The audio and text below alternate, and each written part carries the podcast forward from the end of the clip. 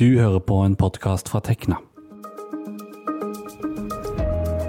Noen er ferdig med lønnsforhandlingene. Noen er i gang, andre har ikke starta ennå. Men hva gjør du om ikke lønna ble helt det du hadde håpa på? Du tenker kanskje at det er lenge til neste forhandling og mulighet til å gjøre noe med det? Feil, ifølge dagens gjester.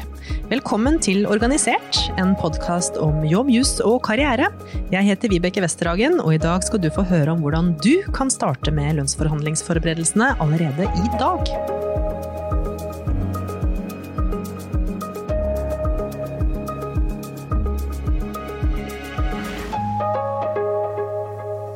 Med meg i studio sitter Bernt Almbakk og Alexander Iversen, begge fra Tekna. Du Bernt, du jobber med å gi råd og veiledning til tillitsvalgte og medlemmer som jobber i private bedrifter. Og Alexander, du jobber med medlemmer og tillitsvalgte som er ansatt i staten, ikke sant? Og så Vi skal høre litt fra deg litt seinere i eh, episoden, men Bernt, la oss starte med privat sektor. Altså alle dem som jobber i ulike privateide bedrifter. Når starter egentlig forberedelsene til en eh, lønnsforhandling? Ja, øh, nei, altså De aller fleste når vi snakker om lønnsforhandling, så tenker de på selve forhandlingstidspunktet. Altså Der hvor to parter har satt seg ned, og så ønsker de å komme til enighet om en, en lønnsjustering. Uh, jeg tror nok de færreste av oss går rundt og tenker på lønnsoppgjør gjennom hele året. Uh, men lønnsforhandlinger er en løpende prosess det er noe som pågår. Altså det starter egentlig rett etter at uh, de siste lønnsforhandlingene er ferdig. Så, så, starter man og begynner man på den nye prosessen frem til uh, neste år. Da legger man selve, selve grunnlaget. Så uh, forberedelsene de er alt fra den dagen de ble enige til, til neste år. Ja. Men hva er det som ligger til grunn for denne årlige dansen i arbeidslivet om lønnsjustering?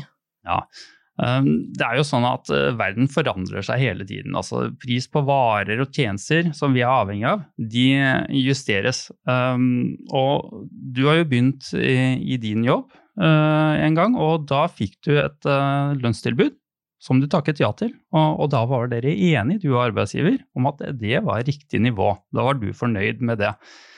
Um, men så går jo årene, og, og prisen den, den, går opp og, og, går ned. Og etter hvert så vil du da oppdage at den lønnen du sa ja til i starten, den holder ikke til det samme. Altså du får ikke kjøpt samme mengde med melk og brød i dag som for ti år siden for de samme eh, kronene. Ja. Så det må skje en justering. Og dette merker vi jo spesielt i dag, hvor det er, eh, prisene øker og, og slikt.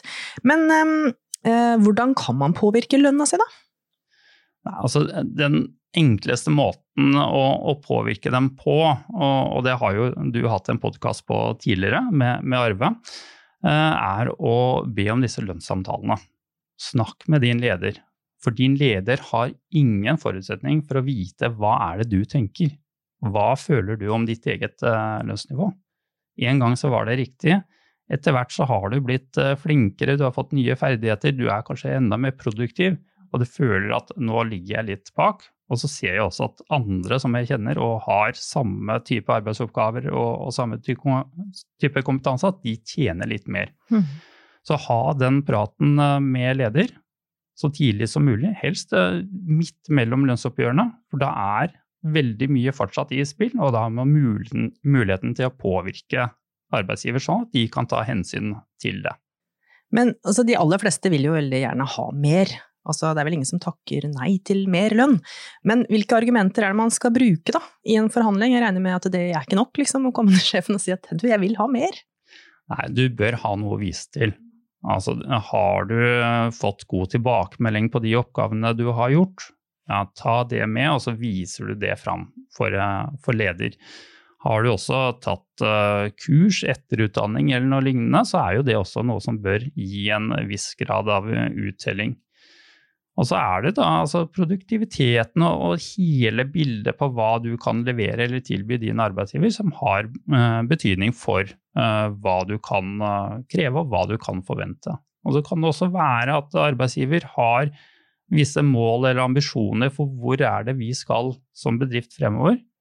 Og da kan du få verdifull tilbakemelding også. Altså, dette er ikke bare enveiskommunikasjon fra deg, men også en kommunikasjon tilbake fra arbeidsgiver på hva er det vi setter pris på, hva er det vi ønsker å belønne, så at du får en slags uh, hjelpende hånd på å finne ut hvor er det jeg skal legge inn støtet, hva er det jeg må gjøre for å få best mulig utvikling. Mm. Men hvordan skal man dokumentere det her, da?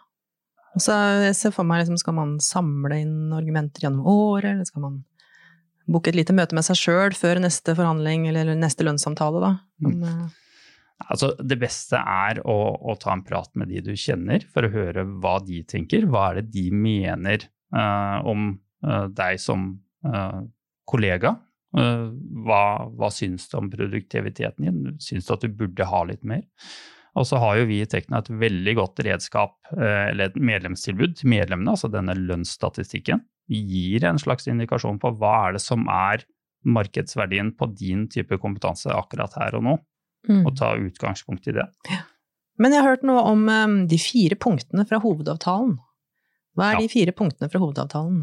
Det er noe som kan hjelpe deg litt med ja. å dokumentere? vi, vi, har jo denne hovedavtalen, uh, og den gir jo en forhandlingsrett til de tillitsvalgte i din bedrift. Og den har fire kriterier som da bygger eh, på den lønnspolitikken som vi har eh, i Tekna. Altså vi ønsker at det skal være lokale forhandlinger, og den skal være tilpasset eh, det som da er bedriftens økonomi, produktivitet, fremtidsutsikter og konkurranseevne. Så tillitsvalgt kommer til å ta utgangspunkt i de fire kriteriene og pakke dette sammen for å argumentere for hvorfor skal man ha en god lønnsutvikling. Og da er det jo også sånn at hvis det går veldig bra med bedriften, så er det jo også rett og rimelig at dette er noe som kommer de ansatte til gode. For det er jo de som står bak resultatet og leverer og bidrar til at bedriften kan gjøre det så bra som de kan. Mm. Men nå var du innom det, altså tariffavtale. Hva hvis, man, hva hvis man ikke har en tariffavtale, altså en avtale mellom eh, arbeidsgiver og arbeidstaker? Ja. Um, det er jo sånn at det er ikke en lovfestet rett til eh, lønnsforhandlinger. Så det, det, betyr at da må det være et annet grunnlag. Tariffavtale er en av de. Eh, og tariffavtalen gir det som vi kaller for en kollektiv forhandlingsrett. Altså at det er en tillitsvalgt som forhandler på vegne av en gruppe med arbeidsgiver eller eh, arbeidsgiverorganisasjon. Eh, hvis du da ikke har tariffavtale, så må det være et annet grunnlag.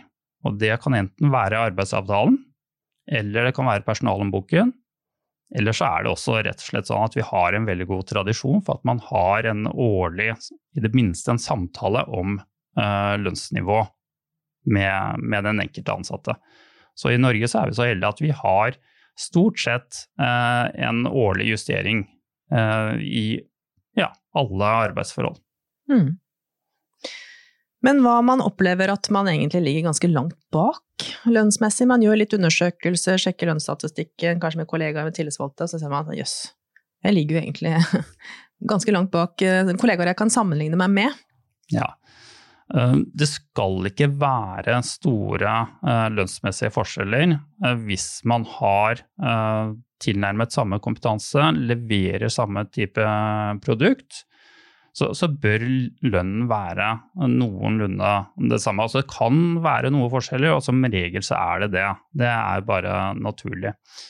Men er det store forskjeller, så er dette noe som jeg vil anbefale at du da snakker med sjefen om, og tar utenom det generelle årlige oppgjøret. For er i det generelle årlige oppgjøret så er det ganske stramme rammer. Og det er eh, da små muligheter for å gi de helt store lønnsjusteringene til enkeltpersoner. Mm. Da har vi jo snakka ganske mye om eh, privat sektor, eh, men hva man jobber i det offentlige, og da har vi med Alexander Iversen som kan masse om eh, statlige forhold, da. Du Alexander, kan ikke du fortelle kort litt eh, om hvordan man kan påvirke hvis man jobber i staten? Jo, eh, en del av prinsippene er jo veldig like som det de er i, i privat sektor, men det er noen, noen, viktige forskjeller. Det ene er at uh, i staten så opererer vi ikke med disse fire kriteriene som Bernt var inne på. Her er det lokal lønnspolitikk som er det avgjørende. Alle statlige virksomheter har en lokal lønnspolitikk, det er de pålagt. Den bør du kjenne til, for det er der det står hvilke kriterier som man forhandler lønn ut fra hos ja. dere. Hvor, hvor finner man den hen? Uh, gjerne på et intranett eller lignende. Den skal være kjent og tilgjengelig. Finner du den ikke på intranettet, så kan du spørre en tillitsvalgt eller spørre HR, for de vet hvor den er. og den skal være lett å finne. Men eh, vi var inne på det i stad, altså hva hvis man ligger langt bak lønnsmessig? Ja, Så man har oppgaver som ligner på en kollega som tjener veldig mye mer enn deg, eller vesentlig mer. Eh, etter hovedtariffavtalen i staten, som er den avtalen som alle er dekka I staten er det ingen som er uten tariffavtale, da, bare for å si det. Mm. Der har vi fått inn en setning hvor det står nå at uh, man uh, i lokallønnspolitikk skal ta hensyn til, uh, til den type ting. Man, den skal legge til rette for likelønn. Og blant annet så nevner man da at det skal være lik lønn for samme arbeid og arbeid av lik verdi. Det skal tas inn i lønnspolitikken. Så der har du i hvert fall et argument hvis du ligger langt bak. Og så er det jo da opp til arbeidsgiver å vurdere om du gjør samme arbeid, og om det arbeidet er av lik verdi, for det er ikke en selvfølge, selv om du sammenligner deg med en kollega. Men prinsippet er at eh, det skal rettes opp, gjerne utenom de årlige oppgjørene. Da. Man har mulighet til å rette opp det gjennom året. Så ser du at du ligger veldig langt bak kollegaene dine, så gå og ta en prat med tillitsvalgt om det, og ta en prat med sjefen din om det. Men her må man også påvirke også, det gjelder vel også privat sektor, Bernt, altså man må påvirke den tillitsvalgte også. Ja, eh, altså den tillitsvalgte trenger eh, kommunikasjon med deg som medlem. Det er, altså, den tillitsvalgte representerer jo deg og de andre medlemmene i gruppa som eh, jobber der. Og uten eh, deg som medlem så er det fryktelig vanskelig å være tillitsvalgt og sitte der og gi, gi en god begrunnelse for hvorfor arbeidsgiver skal høre på akkurat dere og ta hensyn til dere. Så ta eh, en, gjerne en prat med den tillitsvalgte. Det hender at tillitsvalgte har medlemsmøter hvor de gir informasjon, men ta gjerne også en prat med den tillitsvalgte på tomannshånd, så at du får gitt en tilbakemelding om, om hva som er ditt syn, og hva som er dine forventninger også til lønnsoppgjøret. lønnsoppgjøret. Nå, vet ikke, nå jobber jo ikke du veldig mye med kommunal sektor, da, men eh, kan du si noe om, om de som jobber i kommunen, eller? det er veldig likt som privat sektor på, på veldig mange områder. Det er staten som skiller seg mest ut av Mm. de tre sektorene. En ting som jeg tenker er viktig å nevne når vi snakker om staten også, er at i staten så har ingen lov å forhandle sin egen lønn. Det betyr at du må gå via den tillitsvalgte. Mm. Og du må gi de tillitsvalgte gode argumenter for å få din lønn opp. For det kan de ikke gjøre uten at du har snakka med dem. Så det er ekstremt viktig å ha en god dialog med din lokale tillitsvalgte. Ja.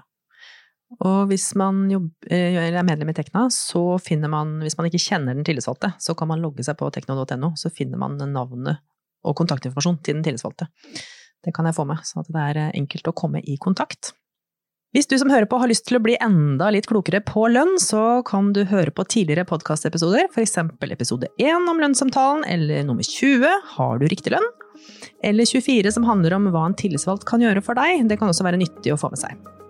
Jeg blir superglad for mail fra lyttere, så send meg veldig gjerne en mail til podkastkrøllalfatekna.no om du vil gi oss en tilbakemelding av et eller annet slag. Tusen takk til Bernt og Alexander for at dere var med her i dag, og til deg som har lytta. Tusen takk for at du hørte på. Dette har vært en podkast fra Tekna, en fagforening for deg med mastergrad i naturvitenskap, realfag eller teknologi. Les mer om oss på tekna.no. Programleder var Vibeke Westerhagen, og teknisk ansvarlig var Tobias Michel.